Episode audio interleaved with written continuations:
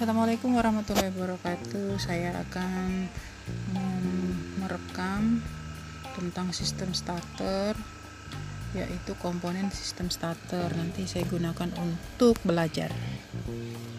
Kunci kontak berfungsi untuk menghubungkan dan memutuskan aliran listrik ke sistem kelistrikan. Kunci kontak pada kendaraan memiliki tiga atau lebih terminal.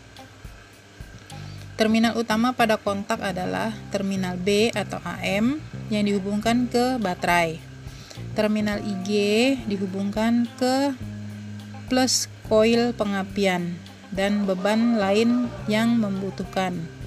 Terminal ST dihubungkan ke solenoid starter atau terminal 30 terminal 50.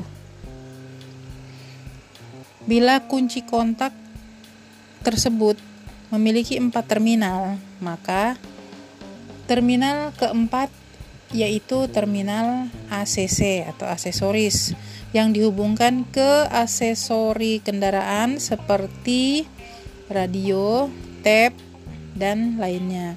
Kunci kontak mempunyai empat posisi yaitu off, ACC, on, dan start.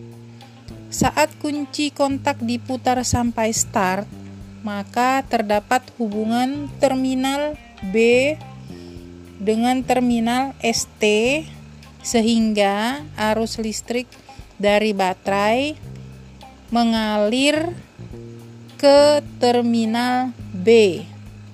Terminal ST dan terminal 50 pada solenoid starter.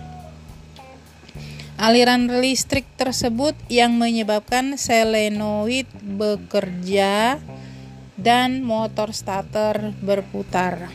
Saya ulang lagi ya.